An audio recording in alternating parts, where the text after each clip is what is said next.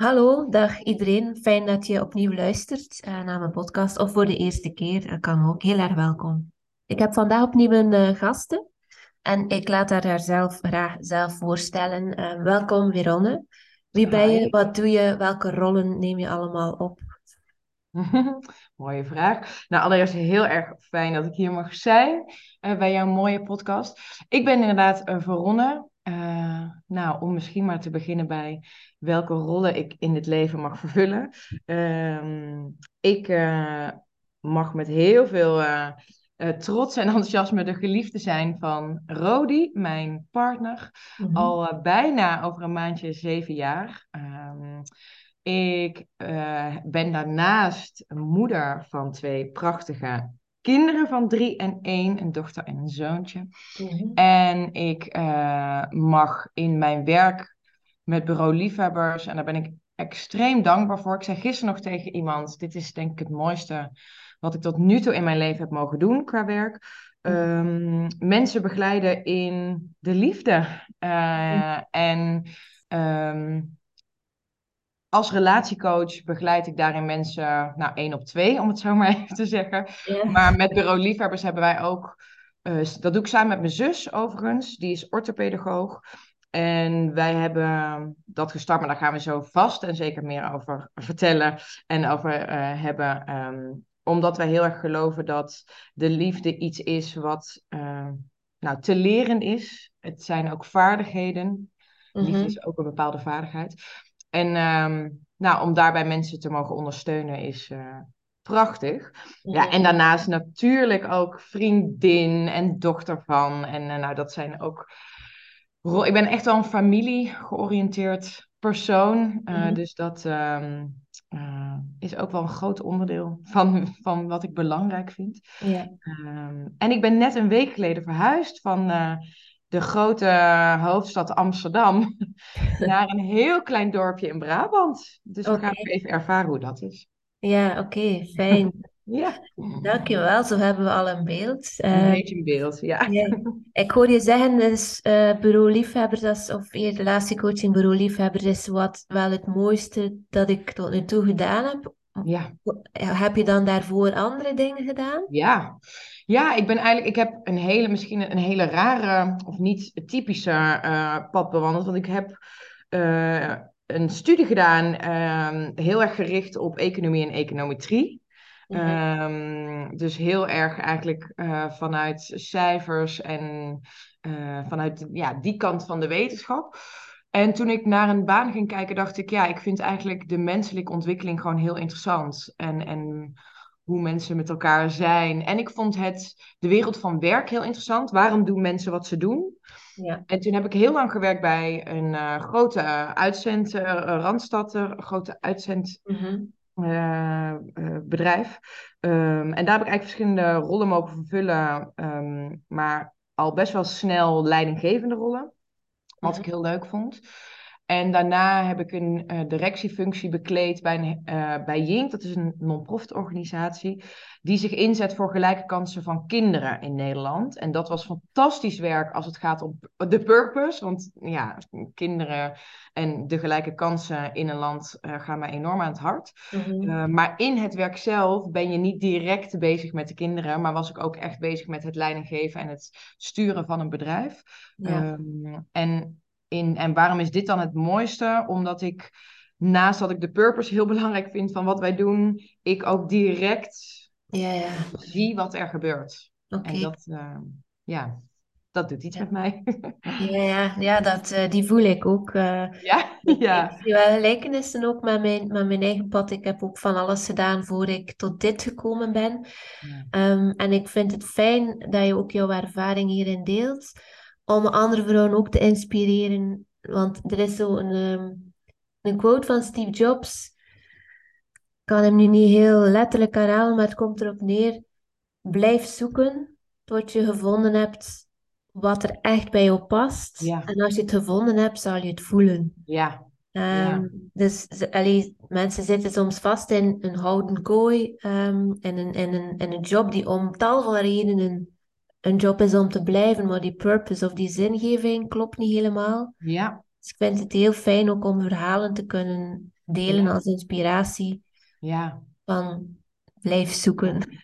Ja, echt hoor. Echt. Ja, ik heb altijd wel een bepaalde onrust gevoeld van is dit het nou? En dat heb ik bij dit inderdaad absoluut nog geen seconde gehad. Ik, Mhm. ik ehm, naast het feit dat ik er heel veel energie van krijg, wa- wat voor het eerst denk ik in mijn leven hoef ik niet ehm, iets te forceren. Ja, ja. Ik hoef niet iets. ehm, ik doe het niet voor iemand anders of om iets te bewijzen of om een bepaalde bevrediging extern te halen van oh, ik heb of een resultaat behaald of Mm. ik heb oh yes, ik ben een goede lijngevende of dit is zo vanuit wauw, ik mag dit doen. Ja, ja. Ehm, ja, dat, dat ik soms echt denk, ik vind het echt, eh, ja, echt een cadeau of zo dat ik dit nu mag doen. En ik, ik was nooit hiervoor zo. Hè? Als mensen dit zeiden, dacht ik altijd, ja, ja, werk is ook gewoon werk, hè? En Mhm. niet alles is leuk aan werk. En dat is ook zo, hè? Ik bedoel, daar ben ik nog steeds wel. Mhm. Maar nee, het raakt me ook dat je zegt, je, je voelt het echt als het zo is. En dat, Ja. dat is gewoon waar, ja. Ja, dat is waar. Bij mij komt dan zo het woordje nederigheid op. Ja, Ja, dat ik ook een stukje nederig ben dat ik dit werk mag doen. ja, Eh, mooi. Ja, mooi dat je dat zegt. Ja. Is het mezelf, ik, ik weet niet, niet juist hoe lang dat bureau liefhebbers bestaat. Heeft het een link met zelf mama worden? Zeker. nood daar dan mee uit ontstaan? Ja, Nee, absoluut, absoluut, absoluut. Ja, nee, ik, ehm, ik denk eigenlijk dat de oorsprong van Bureau Liefhebbers is eh, twee, tweeledig. Ik werkte bij Jink en eh, de, eh, daar was ik nog niet, eh, ehm, nou, was ik nog niet zwanger. Dat was voor mijn zwangerschap werkte ik daar. En daar werkten we dus voor gelijkkansen van kinderen. En wat daar eigenlijk een grote filosofie is, als je, de, als je opgroeit in een omgeving met sociaal of economische achterstand, ehm, dan is het gewoon echt lastiger om dezelfde kansen te kunnen pakken Mm. als dat je dat niet hebt. En dat zit hem niet zozeer in ehm, de bereidheid om je eh, kinderen dat niet te willen geven, maar het daadwerkelijk niet kunnen bieden van nou, bepaalde ervaringen, voorbeelden, maar ook simpelweg eh, dingen die je betaalt voor ze.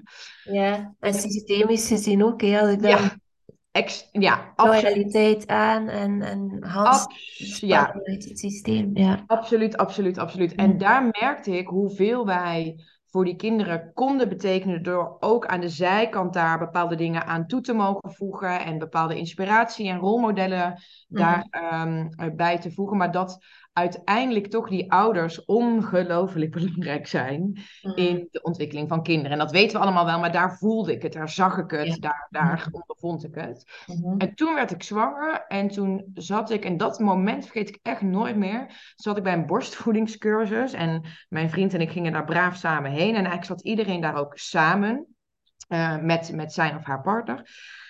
En ehm, toen begon eigenlijk de dame van die cursus, die zei, nou kijk eens even links van je, kijk eens even rechts van je allemaal. Eh, binnen nu en drie jaar eh, is een van jullie niet meer bij elkaar, volgens de Oh. statistieken. Ja. En ik weet nog dat in die zaal eigenlijk iedereen een beetje ongemakkelijk werd. En een soort van, oké, nou, gezellige start van zo'n cursus. Ehm, en dat wij, ik fietste naar huis en ik zei tegen mijn vriend... Ik denk echt dat iedereen nu naar huis fietst. Misschien echt op een enkeling na. Maar, en denkt, nou, dat zijn wij niet. Ja. Ja, ik bedoel, ik denk niet dat iemand... niet. Ja, nee, ik denk niet dat iemand, want iedereen zit toch een beetje op een roze wolk en we verwachten ons kindje. En, eh, en ik weet dat ongeveer een paar maanden na de komst van mijn dochter, dat ik voor het eerst dacht, "Ah, misschien zijn wij dit wel. En dat was na een slapeloze nacht, allebei Mhm. chagrijnig, uit verbinding. ehm, Ja. En, en toen is bij mij een beetje natuurlijk het, het radertje begonnen. En, het, en, en ehm, ben ik de opleiding tot relatiecoach gaan doen. En eigenlijk vanuit daar samen met mijn zus, eh, ja, is Bureau Liefhebbers gestart. Ja, mooi. Ja, Ja, ja. oké. Ja, omdat ik me ook, en dat ik, ik ehm, wat ik zo eenzaam vond en zo onbegrijpelijk is dat ik dacht, als, als zoveel mensen ervaren dat de relatie verandert na de komst van kinderen, Ja. en als we ook zien in de cijfers dat het heel veel mensen ook dus niet lukt om die verbinding met elkaar te behouden, Mhm. waarom gaan we dan heel hard en heel veel programma's op, hè, of gaan we heel hard werken op het moment dat het misgaat? Of Mm, gaan we heel hard aan de slag met elkaar als maatschappij om ervoor te zorgen dat we scheidingsprogramma's hebben en scheidingsondersteuning? En daar ben ik heel erg voor overigens, hè, dat al die ondersteuning er is. mhm. Maar waarom gaan we niet veel eerder daar hulp eh, op een leuke manier in bieden. En mensen daar ook in erkennen en herkennen dat het er mag zijn. Dat mhm. was vooral mijn gemis. Dat ik dacht, er is zoveel kennis eigenlijk beschikbaar, maar we, we bieden het niet pas als het misgaat. Ja, inderdaad. En dan, zonde. ja, ja, en dan is, dan is het eh, ja, misschien vaak al een stukje te laat. Of, of vraagt het veel meer tijd, Ja, energie om, om terug iets op te bouwen. ja, Ja. Voor mij persoonlijk is echt eh, moeder worden, de slapeloze nachten, de driftbuien, de emoties. Dat is voor mij niet de uitdaging aan moederschap. Voor mij is dat echt, kan er naast ik en jij nog wij bestaan? En, Ja, en hoe vullen we dat in? ja. Wat Eh, zeg je dat mooi. Ja, en wat, wat heb jij daarin ervaren? Eh, zeg maar, gewoon voor jou. Wat, wat, was, wat was voor jou daarin? voor mij was, ehm, ja, ik, ik ervaarde heel hard een, een verschil in een stukje mijn drang, maar van binnenuit, om zeker dat eerste half jaar of dat eerste jaar, mijn focus lag echt op moeder zijn. Ja. Ehm, ik geef ook, ik heb ook borstvoeding gegeven. Astor Mhm. is er twee geworden en ik geef nog altijd borstvoeding aan Astor. Mhm.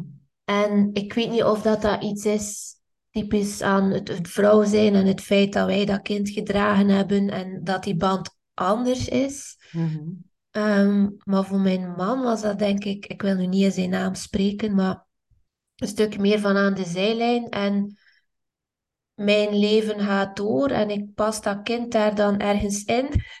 Terwijl Mhm. dat voor mij mijn leven figuurlijk stil stond. Mhm. En dat kind, of die, ja, dat, dat, dat was, ja, daar ging al mijn aandacht naartoe. Ja, ja. Ik ben mij ervan bewust geworden, ehm, het stuk overcompensatie van wat ik niet zelf gekregen had. Mhm. Ehm, dus daar ben ik dan wel mee aan de slag gegaan. Mhm. Maar het blijft voor mij een valkuil om mezelf op de eerste, ja, mezelf op de eerste plaats, dat lukt eigenlijk vrij goed. Maar dat mijn kinderen niet op de tweede plaats komen, maar mijn partner en mijn relatie op de tweede plaats. En dan eigenlijk pas de kinderen. En dat klinkt misschien raar als je het zo hoort, maar volgens mij is dat de pr- prioriteit die er mag zijn. Mhm. Eh, Mhm. ik weet niet hoe, dat, dat, hoe dat jij daar tegenover staat. Nou, ik, ik, ehm, het is voor mij heel herkenbaar wat je zegt en wat, wij, wat ik ook van heel veel ouders terugkrijg, is die ehm, toch een beetje versmelting met het kind in Mhm. zo'n eerste fase. En nogmaals, volgens mij mogen we dat ook met elkaar omarmen, want is het deels ook de natuur. Eh, onze kinderen hebben ons gewoon ook heel erg hard nodig. Dat Mhm. eerste half jaar zeker, maar nou ja, de rest van hun leven, maar dan echt, echt, echt, zeg maar. Ja, ja. mhm. Eh, sowieso is het ook zo op het vlak van intimiteit en seks. Als je borstvoeding geeft, gebeurt er gewoon biologisch alles in je lijf om niet per se open te staan voor seksuele verlangens. Dus, dus daar zit ook echt een correlatie tussen. En Ehm, blijft dat zo als je... Ik, ik geef nu bijvoorbeeld 's morgens en 's avonds nog ja, borstvoeding. ja. Ik vermoed dat dat, wat dat je nu net benoemt, minder aanwezig is dan in die eerste half jaar dat je fulltime borstvoeding geeft. Of... Ja, ja, nee, ik denk, eh, kijk, eh, het exacte amount van stofjes, dat vind ik heel lastig om te zeggen, maar daar kunnen Ja, seksuologen zeker heel veel over zeggen. En daar hebben wij ook heel veel van geleerd, hè, van, van seksuologen die hier heel veel van weten. Maar het is wel zo dat inderdaad ehm, er minder stimulatie is van bepaalde hormonen en Mhm. bepaalde stofjes, waarvoor je, waardoor jij denkt, hé, hey, eh, en dat geldt ook bijvoorbeeld voor het penetratieseksgedeelte, omdat je als vrouw simpelweg ook minder vochtig wordt. Nou, allemaal dat soort Mhm. zaken hebben. En dat wil niet zeggen dat er geen sprake kan zijn van intimiteit. Of dat je op seksueel vlak andere dingen met elkaar kan gaan ontdekken. En dat die als prettig ervaren kunnen worden. Het wil niet zeggen dat het helemaal niet meer prettig hoeft te zijn. Mhm. Maar je zult daar wel echt wat meer ehm, eh, context voor mogen scheppen en wat meer zelfonderzoek ook in mogen doen. hey, wat vind ik nu dan? Ja, prettig en fijn. En, wat, en ook samen daarin je partner betrekken, dat dat dus misschien veranderd is. En dat het ook weer terug kan veranderen. Ja, zeker weten. Dus, Mhm. maar even terugkomend op het stukje. Ik, ik geloof nooit zo dat we moeten zeggen: oké, op één sta je zelf en op twee sta, staat je relatie en op drie staan je kinderen. Waar ik wel heel erg in geloof is dat eh, hoe het met ouders gaat en de liefde tussen ouders is wel de ruimte waarin kinderen opgroeien. ja. En de liefde tussen jullie en, de en, en hoe het met jou gaat, ehm, dat heeft daadwerkelijk impact op de ontwikkeling van je kinderen. Mhm. Dus, en dat gaat soms ehm, scheef, dat mensen denken, ik ben heel erg gericht op de kinderen. Maar als je heel erg gericht bent op je kinderen, zou je juist mogen kijken naar je liefde. Ja, Eh, want dat is namelijk wat kinderen nodig hebben, dat ouders ook in verbinding zijn met elkaar. ja. Aha. Eh, en waar ik veel meer met mensen en ook in alle dingen die wij aanbieden, wij kijken dus niet naar, oké, hoe kunnen we ervoor zorgen dat je nu weer je hele focus hebt op je lover en je kinderen bij wijze van aan de kant schuift of, of minder belangrijk vindt te vinden. Maar hoe kun je dat schuifje van 90% af en toe weer naar 80 of 70 zetten? Want Mhm. hè, wat, je, wat ik gewoon hoor, is dat mensen zeggen: Oh ja, we moeten inderdaad weer wat vaker daten. Of we moeten inderdaad vaker een weekend weg. Maar ja, lastig, oppas. Of ik vind het spannend om de kinderen eh, een heel weekend eh, niet te zien. Of nou, ik geloof veel meer dat het zit in de dagdagelijkse hele kleine momenten. Want waar je vroeger, als je allebei thuis kwam, elkaar even een kus gaf. Of even die vijf minuten aan tafel ging zitten om te vragen hoe de ander zijn dag was. Wat je nu ziet gebeuren is, je komt thuis en hop, de aandacht gaat naar de kinderen. De Mhm. kinderen vliegen om je hals of jij vliegt de kinderen om hun hals. En je zegt, zwaai misschien nog even naar je partner. En als je s'avonds uiteindelijk uitgeput op die bank zit, is dat spannende verhaal op werk of dat enthousiaste telefoontje, ja, daar heb je misschien helemaal geen energie meer voor. Zeg maar, dus hoe die momenten, ehm, hoe ga je dat weer terugvinden met elkaar? Eh, ja, ja, inderdaad.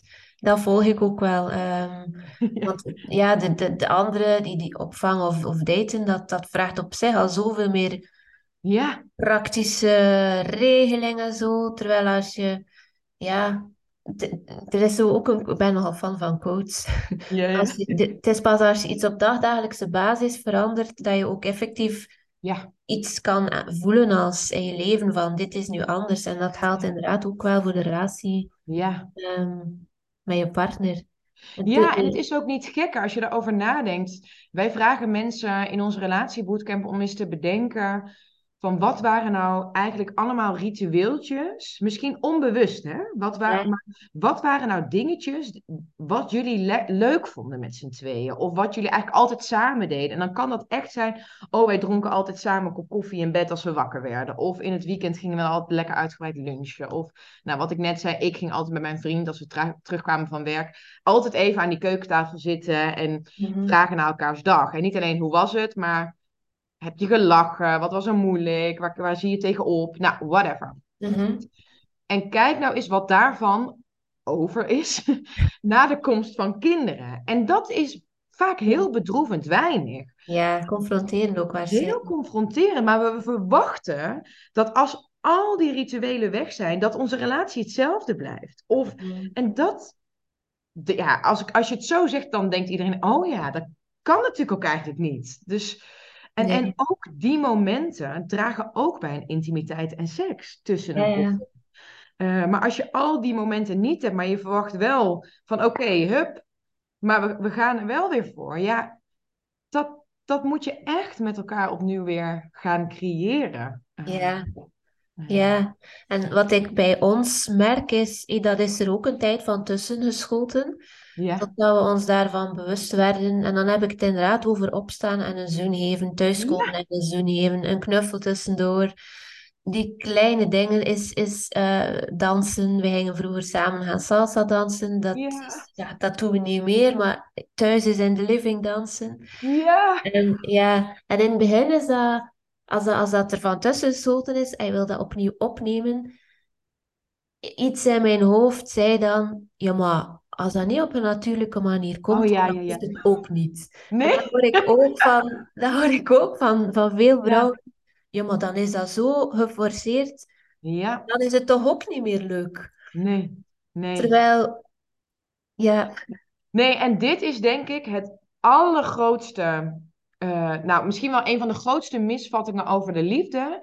De liefde gaat niet vanzelf. mm, Seks en intimiteit ga, komen niet vanzelf. We hebben een fantastische seksuoloog die eh, ons ondersteunt in het programma. En zij zegt altijd: er is geen moment in het leven van een relatie tussen stellen dat iemand precies op hetzelfde moment zin heeft in seks. Zeg maar. Dat ze, de- maar ook ehm, als je kijkt naar al het andere wat we in ons leven doen, eh, je blijft ook niet vanzelf gezond. Weet je, mensen hebben soms ook geen zin om te sporten. Je hebt soms ook geen zin om ehm, je kinderen wat te leren. Zeg maar, dat is ook voor een deel iets wat je plant, wat je mhm, geforceerd doet met elkaar. mhm, Ehm, eh, die cursus op werk die je doet, ja, dat, dat voelt misschien ook in het begin een beetje ongemakkelijk. Of oeh, ik ga iets nieuws leren of iets anders doen. mhm, Eh, en in de liefde, en dat komt denk ik ook door alles wat we meekrijgen en wat we eh, zien in films en wat we lezen in, eh, dat dat, oh ja, dat is dan allemaal, als de liefde goed is, nou, dan, dan is dat, ah, dan, dan wordt dat gewoon geregeld. mhm. Nee, nee, nee, nee, nee, nee.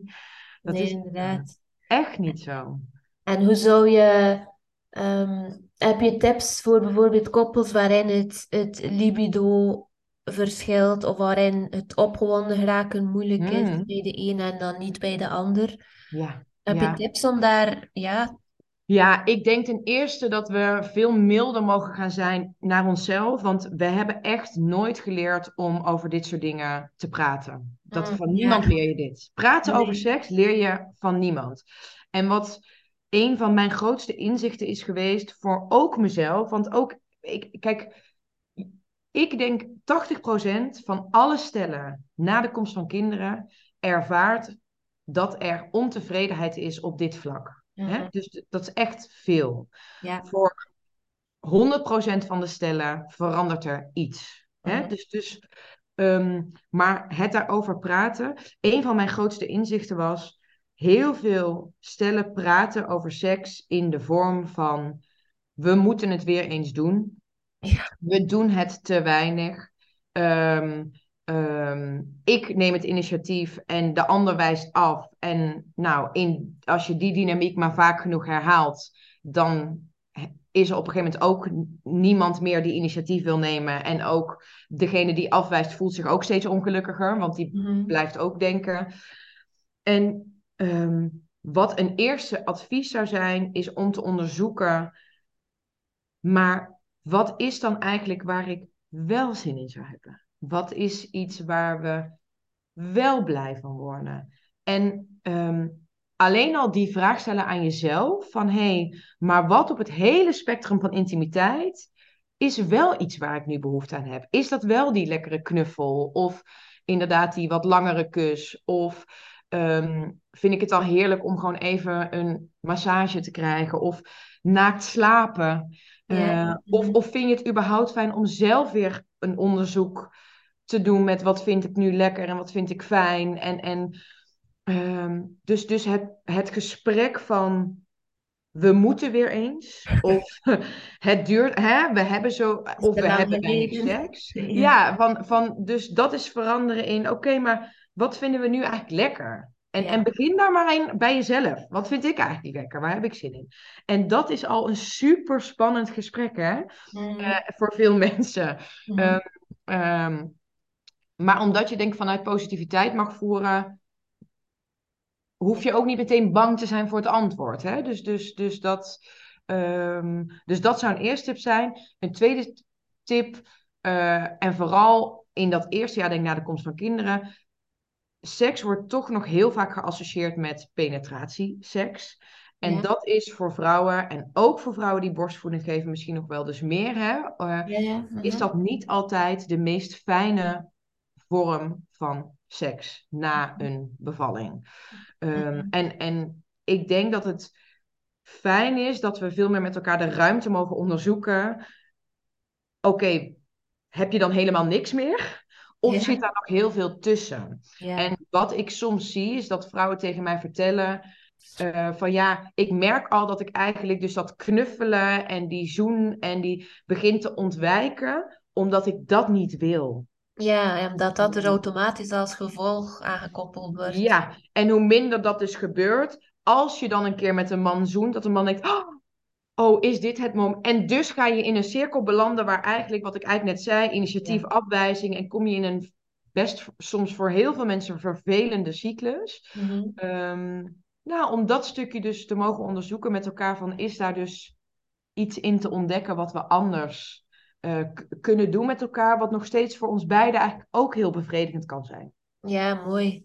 Ja. Doet mij denken aan de, aan de Wheel of Consent. Ja, Ehm, dat, dat heeft voor ons echt ook wel geholpen, want ik was ook zo iemand die al de deur toeklapte van Ja. zodra dat er toenadering gezocht wordt, omdat ik in mijn hoofd al bepaald had, ah, er gaat seks van komen. ja, Terwijl door dat te durven bespreken, en inderdaad, dat is super spannend en awkward in het begin. Ja. eh, let's talk about sex. Oeh. ja.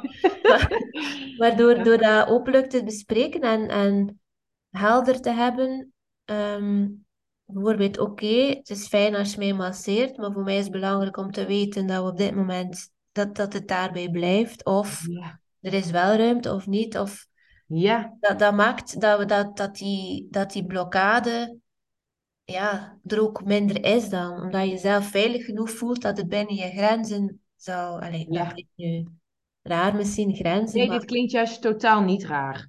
Eh, wa- waarom het misschien raar klinkt, is omdat wij dus dit niet geleerd hebben met elkaar om dit gesprek te voeren. Ja, En dat wij misschien automatisch de aanname doen, als ik begrens, limiteer ik de ander. Terwijl wat ik zie gebeuren, is als jij begrenst, krijgt de ander veel meer ruimte. Want die Mhm. weet namelijk, ja, want ook voor degene die wordt afgewezen, die kan ook gaan denken, ja, ik begin er maar, maar niet over. Of ik zet mijn behoeftes maar totaal ook in de ijskast, want ik wil de ander ook niet onder druk zetten. Dus Ja. juist het begrenzen van de een creëert heel veel ruimte voor de ander, want die mag erop gaan vertrouwen ja, dat jij aangeeft wat wel en niet prettig is. ja, inderdaad, mooi. Eh, maar ik snap heel erg je gevoel hoor, want, want dat is ja, toch dat je denkt, oh ja, ik ontneem daarmee misschien ook de ander iets. Eh, ja, dat, dat Mhm. snap ik echt Mhm. heel goed. Ja, ja, ik heb, ik heb daar, ik heb daar echt ook een soort van schuld en schaamte bij gehad. Ja, Eh, ja, maar door het ja, anders aan te pakken, ehm, ja, lijkt, er dat wel, lijkt dat wel beter te werken. Fijn. ook al is er nog steeds werk. en dat mag ook, hè. En dat mag dus ook, dat mag ook continu een ontdekking zijn voor Ja. iedereen. Want het is niet meer zo dat je, net zoals de eerste paar jaar, eh, dat er überhaupt door alle stoffen in je lijf veel meer ehm, eh, context wordt geschept voor intimiteit en seks. Mhm. Ehm, dus, dus er um, mag volgens mij in iedere fase van alles te ontdekken zijn op dit Ja, vlak. ja. Mhm. Ja. Is, is het, is het een, eh, een, een, een, geen taboe, ehm, klopt het in het algemeen dat vrouwen eerst verbinding nodig hebben om, om zich dan ook lichamelijk open te stellen en dat het bij mannen ook andersom is, dat, dat ze vaak door seksueel contact die hart, dat hart openen en die verbinding kunnen aangaan? Is, is dat Nou, ik denk, ja, ik denk dat je dat mooi zegt. Ik denk eigenlijk dat voor iedereen ehm, zijn er eigenlijk drie elementen die, die, die nodig zijn ehm, eh, op dit vlak. Dat is een stimuli, dus, dus wat stimuleert jou? Wat zorgt ervoor dat je in de mood komt? Wat Ja. heb je daarvoor nodig? Het is de context. Dus, dus wat, wat werkt prettig in eh, alleen al eh, warm of koud, eh, privacy of niet. eh, ehm, als je samen uit eten gaat en daarin dus hè, je mooi aankleedt. Of nou, Ja. dus, dus wat is de context, wat is het verhaal waarin het gebeurt? Ehm, en is de communicatie. Die drie zaken, dat is zowel voor een man en een vrouw, zijn die van belang. En die zijn voor iedereen uniek, wat je daarin prettig vindt. Het is, iedereen heeft een gas en een rem. En ik Mhm. denk dat het voor een, uh, dat het als we het zouden generaliseren, hè, dat, dat het zo is dat voor een vrouw uh, over het algemeen de gas, het gaspedaal um, uh, niet, lang, niet langzamer is, maar daar is Ehm, misschien een langere aanloop voor nodig. Hè? Dus, dus uh, de, seks voor een vrouw begint al gedurende de dag. Uh, uh, wat er gebeurt, welke verbinding, welke fijne momentjes. dus, dus een man trapt misschien sneller dat gaspedaal in. En um, de rem zou misschien voor een vrouw ook sterker kunnen zijn. Dus, dus dat. Um, ik denk wel, en dat is wat we misschien ook van jongs af aan leren. Ik heb laatst een hele interessante podcast ook beluisterd met Nienke Nijman. Zij is een, een relatiecoach en uh, seksuoloog, of therapeut, sorry, in, in Nederland. En mhm. zij vroeg aan een man hoe hij hier naar keek. En, en hij zei heel mooi, en ik kan het ook niet precies verwoorden, maar dat dacht ik wel, ja, hij zo, voor een jongen van jongs af aan is seks ook een vorm van ontspanning en ontlading. Ehm, ehm, en dat zie ik wel terug, dat juist in die drukte van het gezinsleven het voor een man extra prettig is om die verbinding en die ontspanning op die manier met zijn partner te voelen en te hebben. En uh, dat er voor een vrouw om tot dat moment te komen. Um, iets nodig is om ook die verbinding wel te gaan voelen, om, om daar in de moed van te raken. En dan is het wel zo dat als je als vrouw, tenminste als ik voor mezelf spreek, als ik um, de hele dag met mijn twee kinderen ben geweest en eigenlijk helemaal overprikkeld ben, uh, zowel op, op, op fysiek vlak hè, als uh, uh, ja, dat ik niet in dat eerste uur moet denken aan iemand die, die weer iets van mij wil. Want zo kan het dan voelen. Dus dan is er echt even wat meer aanloop en, en nodig om, ja, om, dat, om ja, daarvoor warm te draaien. Zeker. Ja, ja. ja, mm ja. En nogmaals, hè, dat is altijd goed om dat erbij te zeggen. Het is zeker niet voor iedere man zo. En het is ook zeker niet voor iedere vrouw zo. Nee, maar dat, uh... ja. Ze zijn soms seksuele energie en levensenergie. Die twee, die twee hangen samen. Mm -hmm. ik merk dat echt bij mijn zoontje, die nu vier is. Ja hoe dat hij daarmee bezig is, hè, met, met dat seksuele, met zijn pimmeltje, die al af en toe een kapstokje is, zo noemt hij dat zelf. Zo. En Ellie, hij is daar zo... En ik probeer daar heel bewust mee om te gaan en daar, daar geen lading of schaamte of zo... Ja. Um, ja, dat mag er zijn en dan, dan, dan ga ik ook echt een keer gaan meekijken. En, en Omdat daar nog niks... Geen lading. Seksueels en lading nee. ophangt. Nee. Um, en ik hoop dat wij de generatie ouders zijn die daar anders mee kunnen omgaan dan... Ja, ik, ik kan me niet herinneren vroeger dat er daar op een zonder schaamte manier mee omgegaan is. Wij... Nee. Ik, ja, ik, ik, kan me, ik heb daar zelfs geen herinneringen aan. En ik die mijn seksualiteit ontdekte en hoe daarop gereageerd werd. Dus nee. Dan... Sterker nog, in de biologieboeken stond de clitoris tot een aantal jaar geleden nog niet goed uitgelegd. Dus het is. Nee, maar we lopen op dat vlak natuurlijk, als het gaat om wat leren wij onze kinderen. Mm. Wij leren onze kinderen uh, hopelijk nu, straks, um, überhaupt om het gesprek hierover te voeren. Om aan te mogen geven wat fijn is, wat niet fijn is. En als wij het ze niet leren, hopen we dat er veel meer podcasts en, ja, en series en documentaires. En, en je, dat, dat begint nu natuurlijk veel meer te komen van het erover praten. Uh, um, ja, is, is, is al stap één, überhaupt, om er zelf over na te mogen denken. Ja, ja, ja. Zonder schaamte, ja. ja, ja. ja. Ook rond um, je eigen verlangen. Soms verwachten we van onze partner dat die weet wat dat we zelf leuk vinden. Ja. Maar als je het dan voor jezelf nog niet helder hebt, ja, hoe, kan, hoe kan de andere het dan helder hebben? Ja. En dat bracht mij een tijd geleden zo op een, uh, op een Yoni-retreat, waar, waarbij dat we met de Yoni-eitje ook zijn gaan experimenteren. Ja. En toen heb ik echt ook eh, geconfronteerd geweest met ik ken mijn lichaam helemaal niet. Wat gebeurt daar binnenin? Ja. En ik vond dat wel een heel mooie, ik vind ook een hele mooie beweging dat, dat, dat, dat ook daar hopelijk veel minder lading of taboe rond, rond is. Absoluut, absoluut. Ja. ja. Nee, dat, dat, dat, ja, dat gun ik ook iedereen. Dat zou echt fantastisch zijn. Mhm. Ja, nee, zeker weten. We hebben het over seksualiteit. Ik, ehm, ja, persoonlijke groei, dat is, dat is een, ja, dat is nog een, een ander thema. Maar Mm, ik, ehm, ik ervaar, ik, ik ondersteun vrouwen, dus de mannen komen niet bij mij, dus ik kan daar ook geen ervaringen over delen. Maar wat ik vaak hoor is de eerste die in een relatie eh, die stappen zet in persoonlijke groei of bewustzijnsontwikkeling en die dan, dat er dan zo'n afstand begint te ontstaan mm, mhm. tussen de twee. En dan krijg ik vaak de vraag, of dan, dan, zijn, dan willen mensen eigenlijk gaan trekken aan de ander. Ja, Die, moet mee dat pad op. ja. Alleen Ja, zo, zo werkt het niet. nee. Hoe, Nee. hoe, hoe, is- hoe is jouw visie daarop? Of hoe ga jij daarmee om? Nou, ik denk dat je dan nog misschien wel wat, wat, wat hoogoverder zou mogen beginnen. Ehm, op dit moment verwachten wij sowieso veel van onze levenspartner. Hè? Dus waar we ehm 100 jaar geleden, 50 jaar geleden was een huwelijk of was een liefdespartner ook een bepaald contract wat je met elkaar had. Hè? Dus, dus, en had je allerlei behoeften die je niet alleen bij je levenspartner vond, maar in de community als een geheel. De buurvrouw, familie, de kinderen Ja.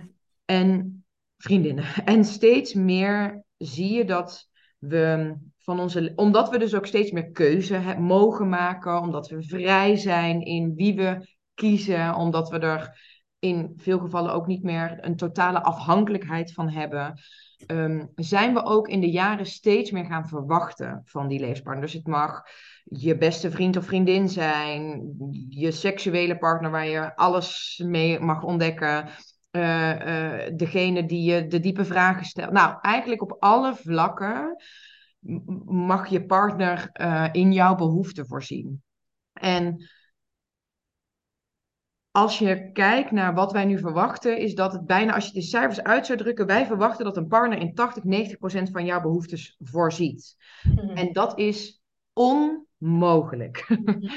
Eh, het zal misschien de lucky few eh, eh, lukken, maar ik denk dat daar dan iets anders aan ten grondslag ligt, namelijk dat je zelf je heel bewust bent van je behoeften. Eh, Mhm. ehm, en wat daarmee gebeurt, is dat wij dus ook steeds meer gaan verwachten van onze Mhm. partner. Dus als je kijkt op dit vlak, zie ik dat ehm, we soms dingen verwachten van onze partner, die los van of het nou reëel is of niet, ehm, die misschien ook gewoon niet te realiseren zijn, omdat iemand als eigen individu, jij kan niet een persoonlijke groei doormaken of een ontwikkeling doormaken als jij zelf daar niet bent, of er geen last van ondervindt, of het niet ziet, of het en het moeilijke is, als jij dus zelf begint te merken, oh mijn god, het brengt mij zoveel, die persoonlijke groei.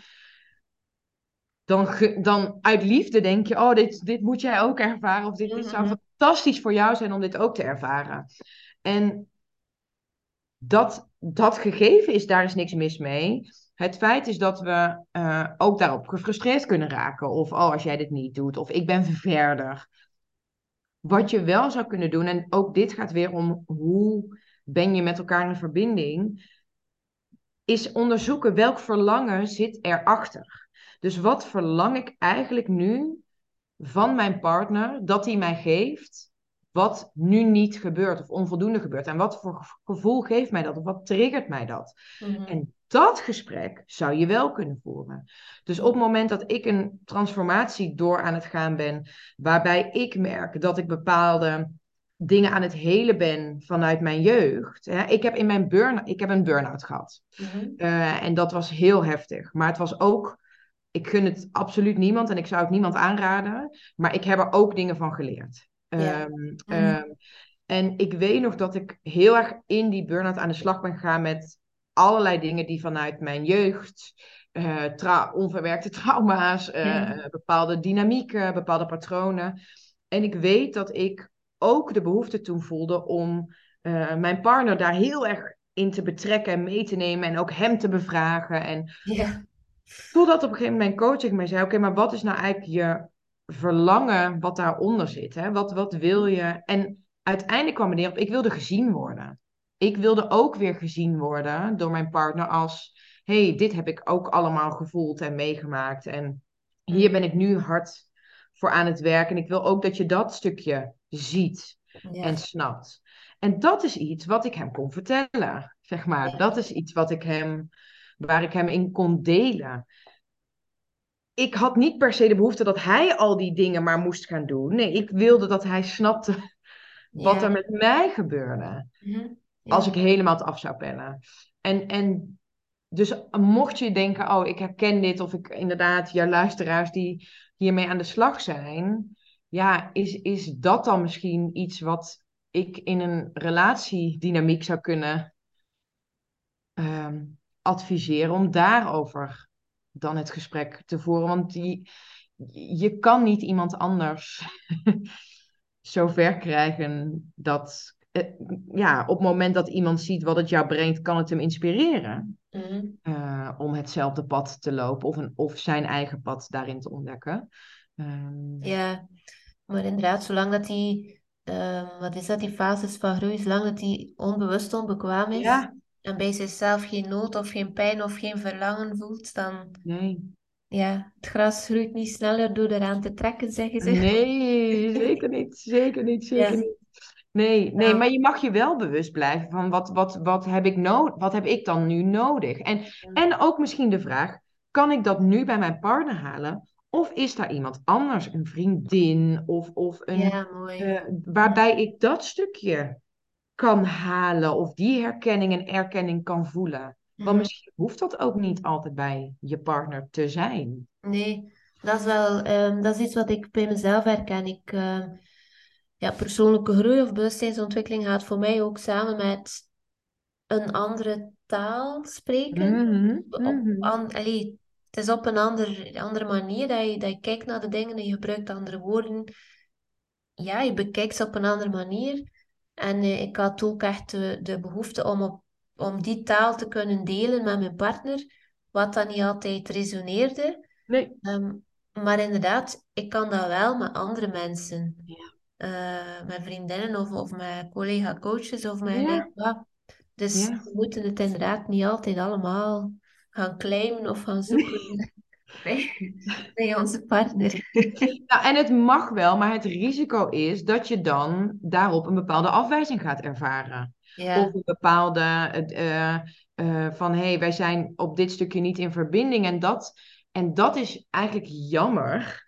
Want het hoeft niet zo te zijn. Dus jij kan je eigen pad belopen. En nogmaals, dat wil niet zeggen dat je de ander volledig hoeft buiten te sluiten of hem niet hoeft te delen in wat het met jou doet. Maar daar mag je het ook, daar mag je over in gesprek gaan. Maar de verwachting die wij dan misschien soms projecteren op, maar jij moet dit dus ook doen, want anders raken we elkaar kwijt. Ja, dat, hoeft, dat hoeft helemaal niet. Nee, nee, nee. Nee, het is waar. Want als ik je hoor zeggen, ja, wij kunnen daarover in gesprek gaan iets, een aanname die ik heel vaak hoor, uh, is: ja, maar mijn partner, dat is geen prater. Oh ja. Ja. ja. Wat dat al maakt dat mensen.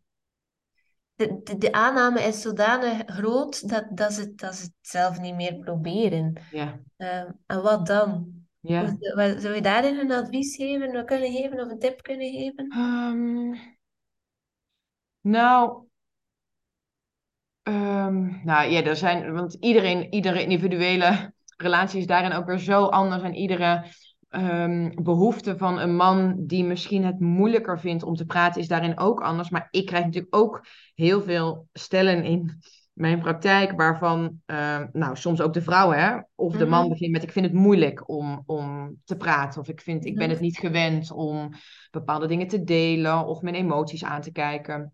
Mhm.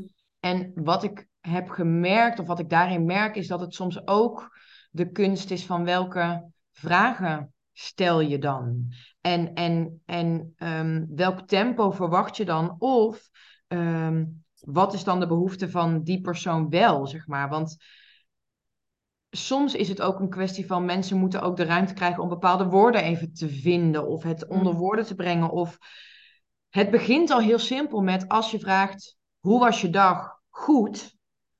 Ja, je, als daar en geen vraag meer over komt, maar als het antwoord ook alleen goed is, dan is dat best ingewikkeld. Mhm.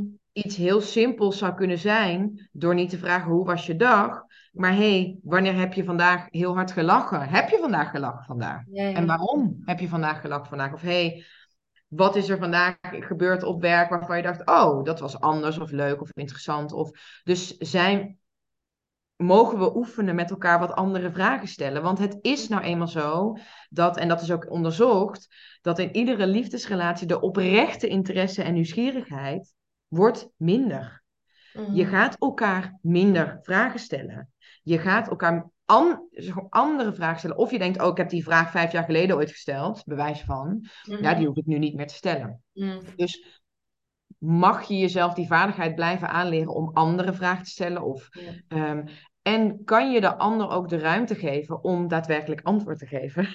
Want ik zie ook het gebeuren dat mensen voor elkaar de antwoorden gaan geven. Ja, ja. Dus dat er ook weinig ruimte meer is om, ehm, ja, om of, of noodzaak is om te praten.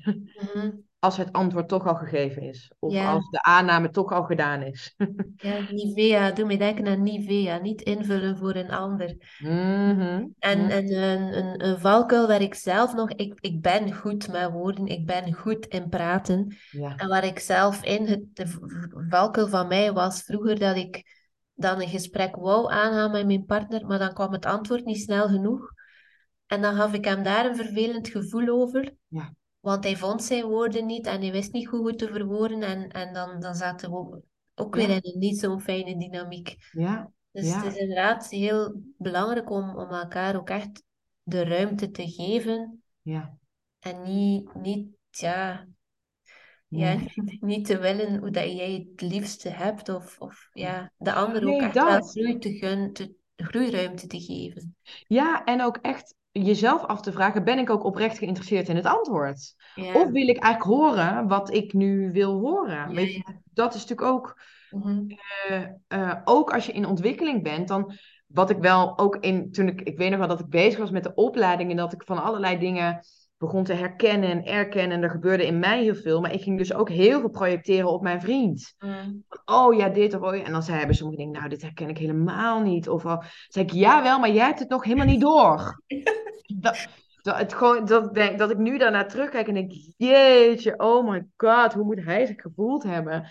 Dat slaat natuurlijk nergens op. Ik was helemaal niet geïnteresseerd in zijn echte antwoord. Ik wilde gewoon dat hij snapte dat we daar wel echt aan mee bezig waren of zo. Of dat Mhm. we, ehm, dus, dus ja, dat... ja, die Ja. herken ik ook wel van in fases. Dus Ja. eh, bam. ja. Als je die dan plots door hebt. Ja, ja, ja, ja. En ik denk ook heel dicht blijven bij waar je dan ook echt behoefte aan hebt. Dus, Ja. dus het is zo anders als je aan je partner vraagt: hey, ehm, ik zou het zo fijn vinden om te horen hoe je hierover denkt, want ik, ik voel me daar soms best wel onzeker over. Of ehm, ik weet eigenlijk helemaal niet hoe je daarin zit. Of voor mij is dat zo leuk om van jou te weten is Mhm. dat totaal iets anders dan. eh, Jezus, je, is dat het enige wat je kan? Of eh, eh, is dit. Is, ja, oké, nee, ja, je bent ook geen prater, laat maar. Weet je, dus. Ja, ja, ja. ehm, Ja, durf je iemand ook echt uit te nodigen? Ja, mhm, mhm. Ja. Ehm, ja, liefde, liefde is een werkwoord en je kan niet proactief aan je relatie werken of Ja. zoals dat je gestart bent ook, als, als, het, als het niet goed gaat, eh, er is hulp inschakelen. Ehm, maar het is een utopie om, om te geloven dat alle relaties moeten blijven bestaan Nee, of voorbestaan zijn moeten blijven bestaan. Ja. En een vraag dat ik gekregen had via Instagram, ik had een story gepol, gepost, ehm, een story gepost naar vragen. Ja. Dus iemand die zei, ja, wanneer zeg je, oké, wij samen, het werkt niet meer, dus we moeten maar dan uit elkaar gaan. Ja. Dat is, dat is, geen, dat is een, een lastige vraag, hè. Daar is geen eenduidig antwoord op, maar ehm, ik eh, geloof ook zeker dat het in sommige gevallen voor alle partijen ehm, een beter pad is of een, een, een mooier pad is om te wandelen als dat niet meer samen is. en ja, daarbij loop je schade op en daarbij lopen je kinderen een bepaalde schade op. Hè? Dus, dus, maar, maar dat wil niet zeggen dat bij elkaar blijven geen schade oploopt. Hè? Dus, dus Nee, voilà. eh, zeker dat. Ik ben ook helemaal niet dat wij pleiten voor niemand zou maar uit elkaar moeten gaan en je moet werken totdat je erbij neervalt. Absoluut niet. Ehm, ehm, en ik denk dat. ehm, ik denk ook dat met iemand hierover in gesprek gaan ook in deze zoektocht kan helpen om ook dat proces op een manier in te richten die in verbinding gaat. Dus je kunt ook in verbinding besluiten dat het dit niet meer is, zeg Mhm. maar. Eh, en soms ook niet, want dan is de een daadwerkelijk op een ander punt dan de ander. Ehm, ehm, maar ik denk wel dat je. ehm, wat ik soms merk, is dat als er verlies van verbinding is en als er afstand ontstaat Mhm. in een relatie, dat de angst voor eh, de eenzaamheid of de angst voor ik verlies de ander ook kan resulteren in dus ik ga weg. Ja. Ehm, terwijl uit zelfbescherming of uit ik, ik, wil, di- ik wil dit niet of ik, ik, ik, ik ben hier bang voor of ik eh, sluit me af. Mhm. En het is interessant om te onderzoeken, oké, de behoefte die ik hierbij voel, of die, die, die, die, het, het, ehm, wil, ik, wil ik die verbinding nog gaan zoeken? Of heb ik nog, ehm, voel ik nog genoeg eh, empathie, liefde? Zie ik de andere persoon voor wie die is en alles wat die is aan mooie dingen? Ver- Heb ik er nog een bepaalde vertrouwen in dat ik daar die verbinding in wil zoeken? Zeg Ja. maar, is dat nog. Of is, is ook dat leeg en weg? En, en, en nogmaals, en dat, dat maakt het zo'n ingewikkelde vraag. Het, Mhm. Er is absoluut niet één moment of een antwoord. Of hoe als je dat voelt, nee, dat is wel echt een teken om weg ja. te gaan. Ehm, los van natuurlijk eh, bewijs van echt zware problematieken, hè, waarbij natuurlijk ja. wel echt rode vlaggen zijn. Mhm. Waarbij ook hulpverleners zouden adviseren, misschien is dit echt een moment om de verbinding te verbreken. Dus dat is mhm. belangrijk om even te zeggen. Ehm, maar dat, dat onderzoek, om dat bij jezelf te doen en samen, daarbij kan, kan een ander zo, zo helpen. Want Ja. ook dit hoef je dus niet alleen te doen. En Ja, dat zie ik vaak, dat mensen het gevoel hebben dat ook dit moet je alleen doen. Terwijl we voor zoveel dingen in ons leven schakelen we hulp in. Ja. En, en laten we ons inspireren. Alleen al bewijzen van een instructeur van een sportklasje die vertelt wat een lekker gewichtje is om de oefening mee te doen. Mhm. Eh, en bij dit vlak eh, ja, hebben we ook toch het gevoel nog soms dat we dit alleen moeten doen. En dat is echt niet zo. Nee, voilà, nee. Eh, doet mij nu denken aan iemand ehm, die mij liet weten dat zij in relatietherapie gegaan waren. Een relatie waarbij dat de verbinding ook wel zoek was. ja, Die, die liet me weten, mijn partner heeft al veel meer verteld en gedeeld. Dingen die ik nog nooit gehoord Ja. heb. Dingen waar ik zelf wel al naar gevraagd had. Maar en in het bijzijn van, van een, een, derde, een, een, Ja. waarschijnlijk een neutrale setting. En lukt Ja. het dan wel weer inderdaad. Dus ja, eh, Ja. ik vond dat wel mooi. ehm, ja, ik vond dat mooi dat die beweging daar aan het gebeuren was.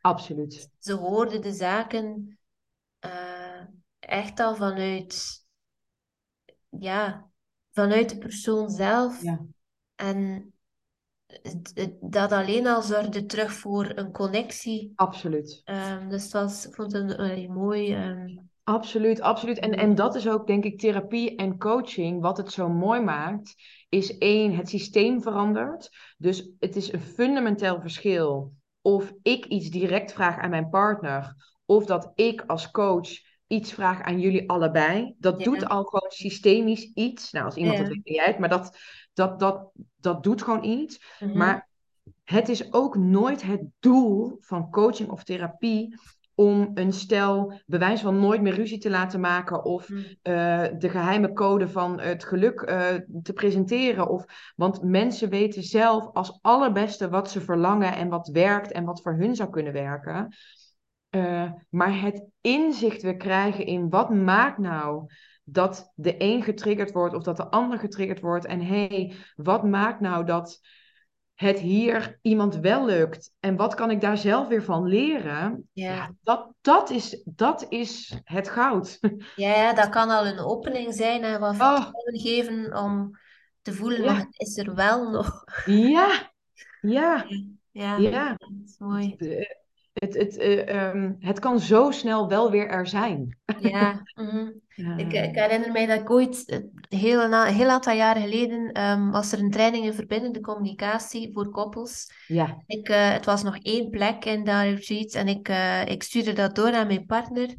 Ehm, en eh, die belde mij op. Hade, hebben wij een probleem misschien? ja.